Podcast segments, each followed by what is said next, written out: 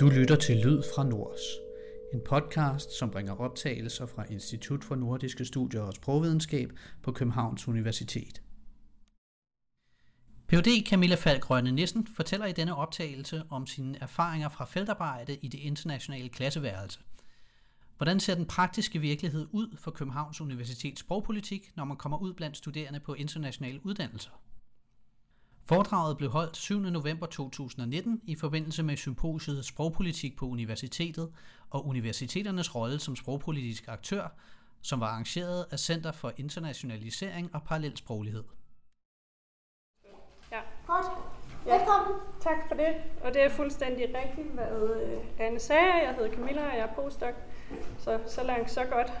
Øh, jeg har arbejdet med uddannelsesinternationalisering igennem en ret lang periode efterhånden, både på mit speciale, hvor jeg arbejdede med sprogpolitik, og så på min Ph.D., hvor jeg under kyndig vejledning fra blandt andet Anne, arbejdede med internationale studerende og med studerendes oplevelse af at studere på øh, internationale kandidatkurser på KU.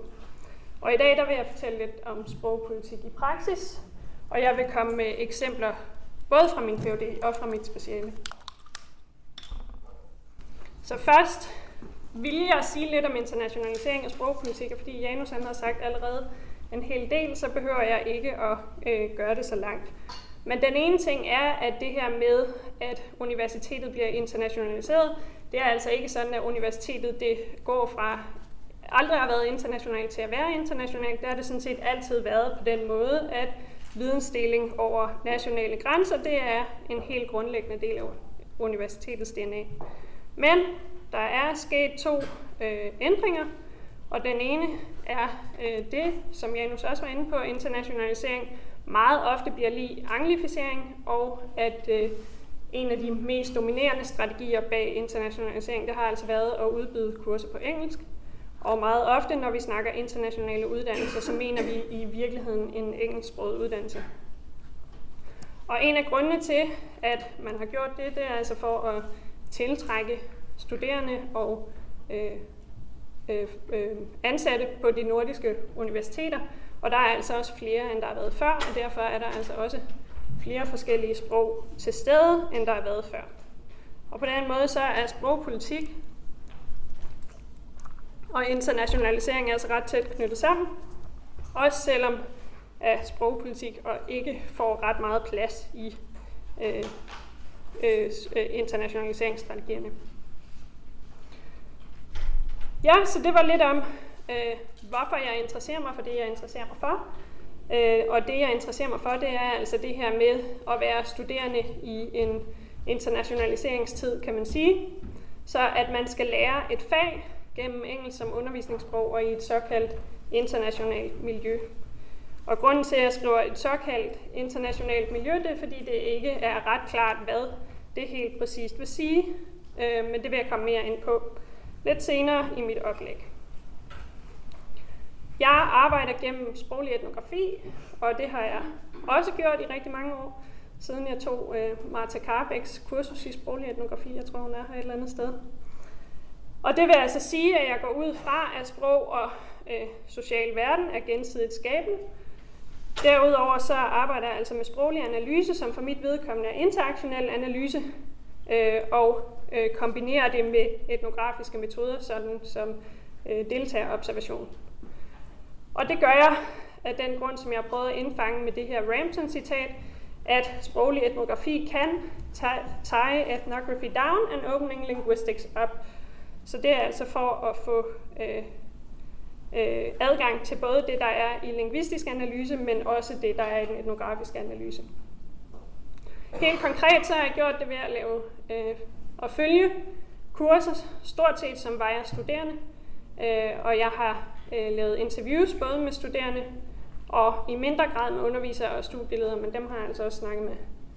Så har jeg lyd- og videooptagelser, jeg har feltnoter, og jeg har også kigget på Facebook-kommunikation.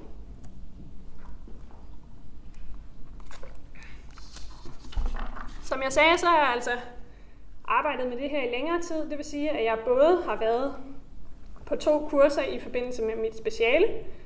Specialet hedder en parallelsproglig virkelighed, og er udgivet i SIP-serie, bare lige for at lave lidt reklame.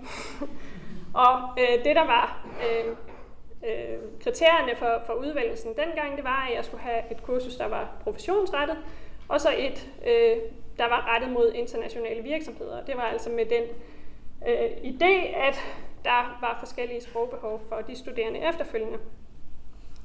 I forbindelse med min PhD, der var jeg på tre forskellige kurser, som var udvalgt på en lidt anden måde. Min PhD hed Blind Spots of Internationalization of Higher Education, og øh, det er altså sådan, at der øh, fortsat er stor forskel på, hvordan fakulteterne de, øh, angriber det her med internationalisering, og der er også stor forskel på, hvor stor andel der er af engelsksprogede kurser. Så jeg havde en repræsentant fra Humaniora, som er der, hvor der bliver brugt mest engelsk, og det kursus var altså sådan et særligt kursus, kan man sige, for det fakultet. Så havde jeg valgt et, øh, som var på Science, hvor der er en sprogpolitik, der hedder, at man har øh, bachelorkurser på dansk og kandidatkurser på engelsk. Øh, og også er der, hvor der er den største andel af engelsksprogede kurser og øh, internationale studerende og medarbejdere. Og så havde jeg et, som var lidt imellem, for det lå faktisk på øh, det naturvidenskabelige fakultet, men var øh, et sociologikursus, men det vil jeg også fortælle lidt mere om efterfølgende. Så jeg har altså øh, erfaringer fra fem forskellige kurser i to forskellige undersøgelser. Og lidt ligesom Janus også var inde på, så det vil jeg heller ikke sige så meget om, så er det her altså bare for lige at få på plads, hvad det er, jeg mener, når jeg siger sprogpolitik i praksis. Og der er altså de forskellige niveauer, som Janus talte om. Der er ideologi, og så er der altså praksisniveauet, som er det, vi vil snakke om i dag, hvor øh, vi kigger på sprogvalg og sprogbrug, som udfolder sig i interaktioner mellem de her sociale aktører som er øh, direkte involveret. Og det kan altså være studerende og undervisere, det kunne også være administrative medarbejdere, men dem har jeg ikke fokuseret på. Jeg har valgt det her øh, citat bare for at underbygge min egen argumentation, som er, at det altså er meget, meget vigtigt at kigge på, hvad der rent faktisk sker i praksis, når vi snakker om øh, sprogpolitik. Først så har jeg valgt lidt forskellige studenterstemmer øh, i forhold til, hvad øh, sprogpolitik kunne være.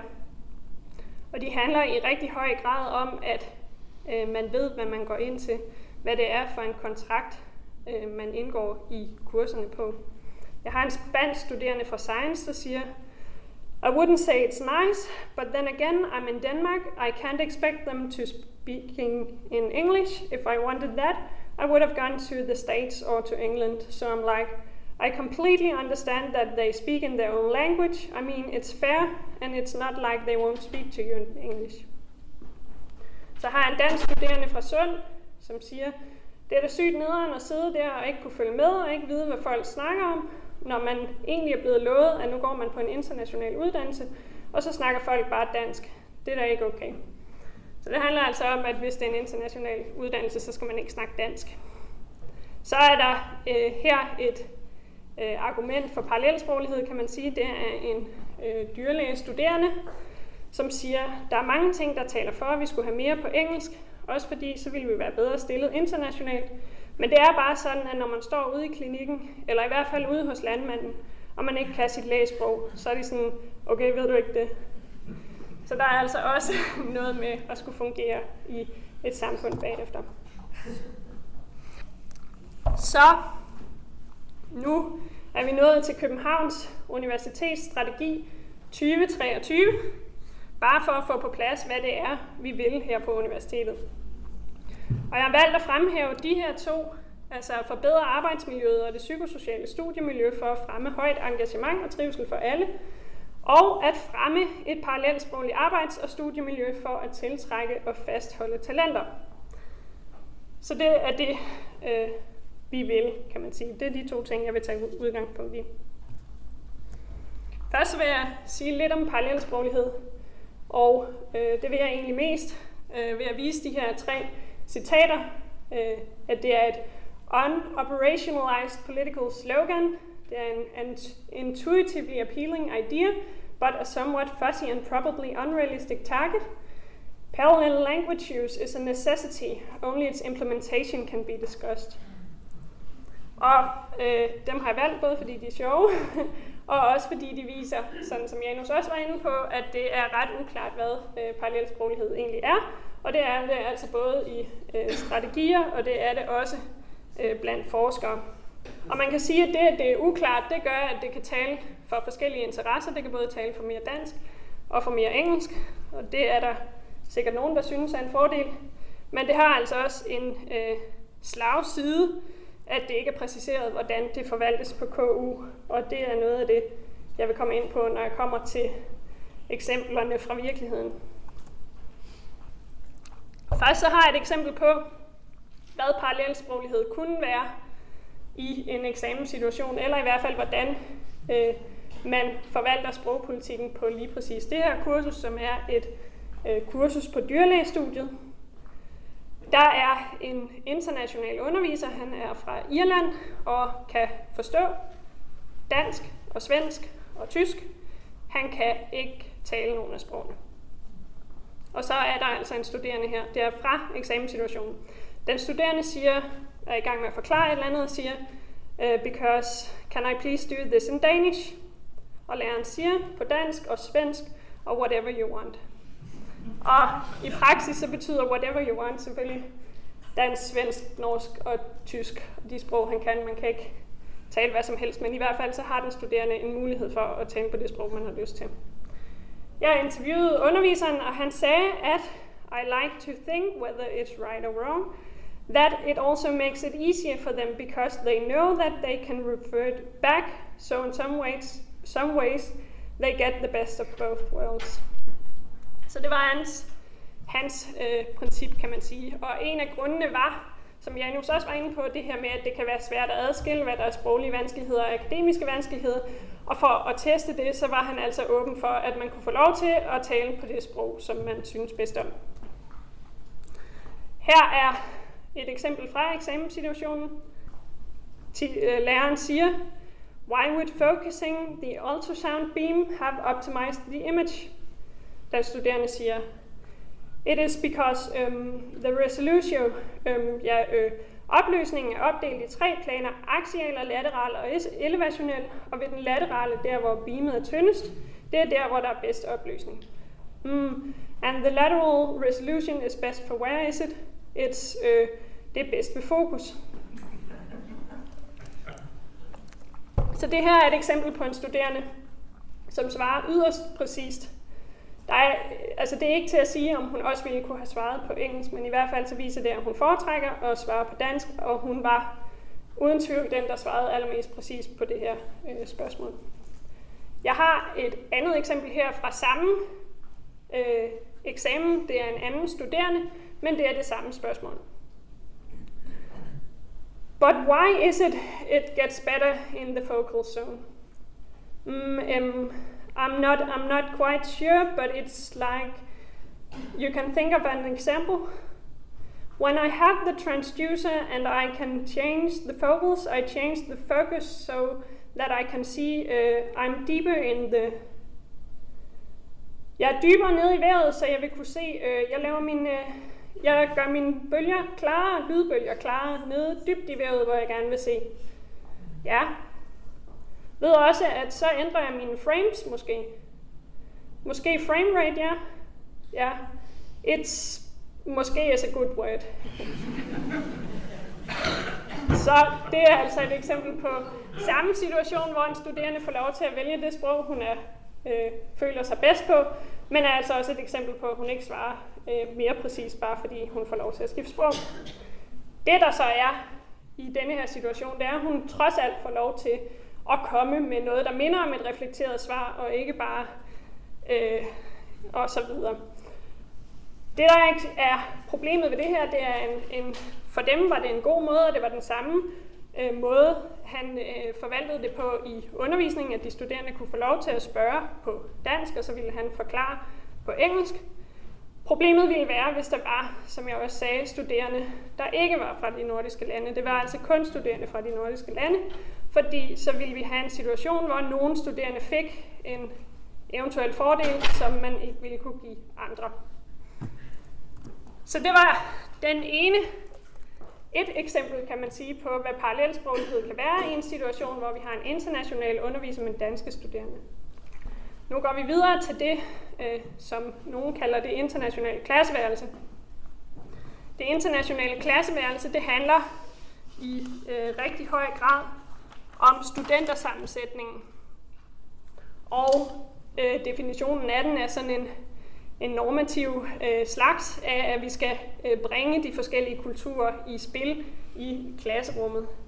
Jeg har valgt et øh, citat her fra et interview med en studieleder på Science, som ret godt indfanger, hvad det i, i mange tilfælde i virkeligheden er. Han siger, at det vi har lige nu er en dansk uddannelse på engelsk, med 30 procent hovedsageligt europæiske udenlandske studerende og en lille procentdel kinesiske. Så det er øh, meget ofte sådan, virkeligheden ser ud på øh, de her science-uddannelser. Jeg vil nu fortælle to historier om øh, de konsekvenser, det kan have, øh, sådan som vi forvalter internationalisering og sprogpolitik på øh, KU. Og den første historie, den handler om studiemiljø og tiltrækning og fastholdelse, hvis vi nu skal vende tilbage til det, der står i strategien. Og det er historien om øh, Chang. Øh, det vi har her at gøre med her, det er fuldstændig som studielederen øh, snakkede om, det er altså en, en dansk uddannelse, hvis vi taler pædagogik. Sprogligt var den øh, på engelsk, når vi taler forelæsning og eksamenssprog. Det var øh, anderledes i grupperne. Og derudover så var der altså flest danske studerende, en del spanske og enkelte asiater. Og en af dem, det var altså øh, Chang her. Jeg har øh, valgt et citat her fra gruppearbejdet. Han var i gruppe med Mariana, som her siger, vi er seks i gruppen, Valentina og mig, der er fra Spanien, og så tre danskere og så en fra Kina. Han er analytiker. Jeg synes, det fungerer fint. Vi snakker stort set engelsk, men nogle gange, sådan, hvis jeg skal forklare noget hurtigt til Valentina, så fører jeg den bare af på spansk. For eksempel, hvis vi lige snakker om noget. Nogle gange snakker vi også dansk blandt os, hvis øh, de lige diskuterer noget hurtigt mellem to. Mariana hun var i den rigtig heldige situation, at hun var dansker, men født og opvokset i Spanien, så hun kunne begge, øh, nej, alle de tre sprog, der blev, blev talt i gruppen. Det kunne Chang ikke. Han kunne faktisk knap nok nogen af dem. Han var ikke ret god til engelsk, og øh, kunne af gode grunde hverken spansk eller dansk. Derfor var det meget, meget få gange, at Chang rent faktisk bidrog verbalt til øh, gruppearbejdet. Han kunne så bidrage på andre, andre måder, og det er det, der er indfanget i citatet øh, nedenfor. Jeg tror, de har det meget fint med engelsk alle sammen, synes jeg. Chang tror jeg har haft lidt sværere ved det, men hans del har vi så rettet lidt sprogligt. Men ellers, han er jo analytikeren, så hans bidrag har ligesom været koden stort set. Og der er jo ikke så meget grammatik i det. Så Chang var altså ret afhængig af, at han blev inkluderet i gruppen på andre måder, og det blev han altså ved, at han havde nogle helt essentielle akademiske øh, skills, som jeg ikke lige kan finde det danske ord for. Og det var altså, at han var rigtig god til at kode. Jeg har øh, et eksempel på en uformel samtale i forbindelse med gruppearbejde. Det er mellem to, øh, tre af medlemmerne, Andreas Søren og Mariana. Andreas siger, I fear in the exam or in the final there will be uh, some, there will come a question like this. Yes, of course there will. Where you don't know how to answer and you don't have a book, you can look it up and you can kind of Google it, but at some point you just get stuck. And there has to be, because it's a take home exam, uh, if it was easy, everyone would get 12, and then they would shut down the course next year, right? So it will be difficult. There would be a lot of questions where you're like, but I hate when you just don't know. One thing is uh, that you don't, you're not able to answer the question, but you don't know how to get help to. Yeah, that's true. Yeah. Ask our R, R expert Chang, I will call you during our final week. Like, I can code this. Yeah, I think our group will be like, Chang, please, this doesn't work. Why? Så det er altså et eksempel på det her med, at Chang han bliver positioneret som koder. Det skal lige siges, at de er ved at lære det statistiske program er, så derfor er det ret fedt at kunne kode. Så historien her om Chang, det er altså en historie, der viser en international studerende, som vi har fået tiltrukket her til Danmark. Men det han i høj grad laver, det er at være koder for de danske studerende. Så han bliver altså ikke øh, til et individ, men han bliver til en stereotyp forestilling om, at kineser er gode til at kode. Den samme forestilling så jeg øh, i forbindelse med en anden gruppe, der havde en indisk studerende. Problemet her, det var, at inderen ikke kunne kode. Så på den måde blev han mere eller mindre ubrugelig for gruppen. Han kunne så til gengæld engelsk, så på den måde kunne han, kunne han være med på andre måder. Så spørgsmålet her i forhold til Chang, det er, om han øh, får lært de ting, han skal, når han bliver positioneret som kode. I øvrigt også, om de danske studerende får lært det, de skal, når de ikke behøver at kode selv. Og øh, der er altså to aspekter her. For det første, det er, hvad får vi så ud af, at han er her? Jamen, vi får en øh, koder for de danske studerende. Og hvad får han ud af at være her? Får han adgang til det, som de andre også får adgang til? Og det her det er altså en historie, som kunne sætte spørgsmålstegn ved, både om Changs egne planer og om KU's planer om internationalisering de bliver indløst. Så det var historien om Chang. Nu har jeg historien om kursus C. I husker måske, der var tre kurser i min phd afhandling og et af dem var altså kursus C. Og kursus C, det var et ret interessant kursus, fordi det var fuld af konfliktende interesser. For det første så var det, som jeg også sagde, et sociologikursus på et science-uddannelse, og det gav altså problemer for nogle studerende. For det andet så var curriculum øh, hovedsageligt øh, lokalt, sådan som der også står her på slidet, så var fokus altså på en dansk kontekst, øh, fordi det altså handlede om, om health interventions i øh, det danske system. Og det gjorde altså, at mange internationale studerende havde det svært, særligt til eksamen. Derudover så var der en del studerende fra øh, danske professionsuddannelser, som havde øh, forventet et andet øh, perspektiv, nemlig et anvendt perspektiv, og derved også et dansk perspektiv. Og det er et eksempel på her. Det er øh, fra gruppearbejde på kursus C. Det er øh, tre studerende, der taler sammen, og øh, der bliver sagt, I think I will feel a little stupid coming out to the municipality now and say, yeah, I have this course, so basically I should be able to work with it, but I don't know any practical use of this. I know how to do it on my computer, but I don't know how it's actually, yeah, apply it in real life. And that's a really academic approach. So I just feel a little stupid that I have had this course. I feel like I'm just some academic who knows everything about the theory, and then when I come out in the real world, I'm like, are you guys, I don't uh, know anything about it. Så det er altså et eksempel på øh, det her med, at, at der altså også sidder nogen, som har en forventning om, at det de skal lære, det er, hvordan øh, man øh, fungerer ude i en kommune, og det vil altså være øh, på dansk. Så øh, resultatet af det her kursus, det blev altså et kursus med temmelig utilfredse studerende af forskellige grunde. Og kursus her, det var altså en, et eksempel på et kursus, hvor der, som hverken rigtig var internationalt, det var heller ikke rigtig anvendt, og det var heller ikke rigtig hverken øh, dansk eller engelsk. Og oven i det, så var der altså mange studerende på det her kursus, som ikke var ret trygge ved at tale på engelsk. Og selvom underviseren forsøgte at opretholde sådan en slags English-only-politik, så var det, han reelt fik ud af det, enten meget, meget tavse studerende, eller øh, at der blev talt øh, dansk i grupperne alligevel. Så det her det var altså et eksempel. Historien om kursus C var altså en historie om et kursus, som er underlagt en fakultetspolitik, som siger, at kandidatkurser skal være på engelsk. Og det gør man altså uden, at man stiller spørgsmålstegn ved relevansen for netop det her kursus.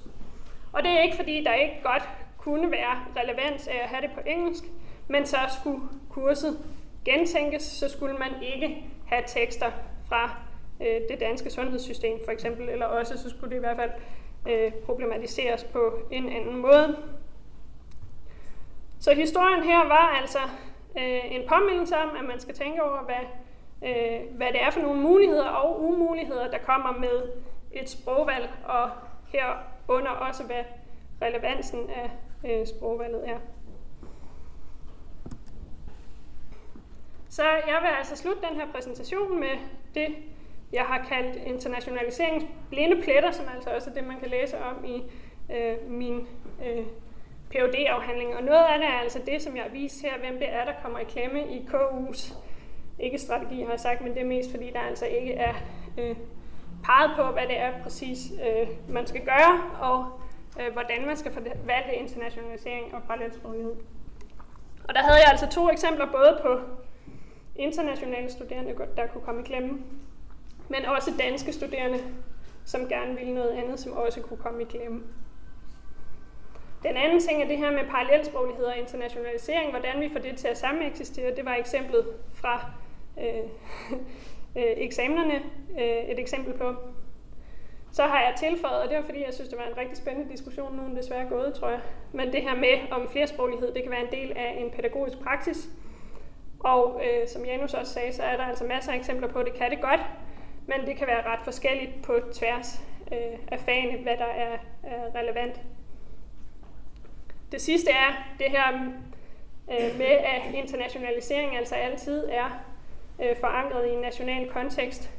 Så det, øh, at vi har internationale uddannelser i Danmark, skal det betyde, at, øh, at vi giver afkald på nogle af de ting, vi tror på i forhold til dansk pædagogik, for eksempel. Så for at vende tilbage til studielederen, så var det altså det her med, har vi en dansk uddannelse på engelsk, eller øh, en international uddannelse? Ja, så jeg håber, det gav stof til eftertanke i forhold til, hvad det er, øh, KU skal være opmærksom på i forhold til internationalisering.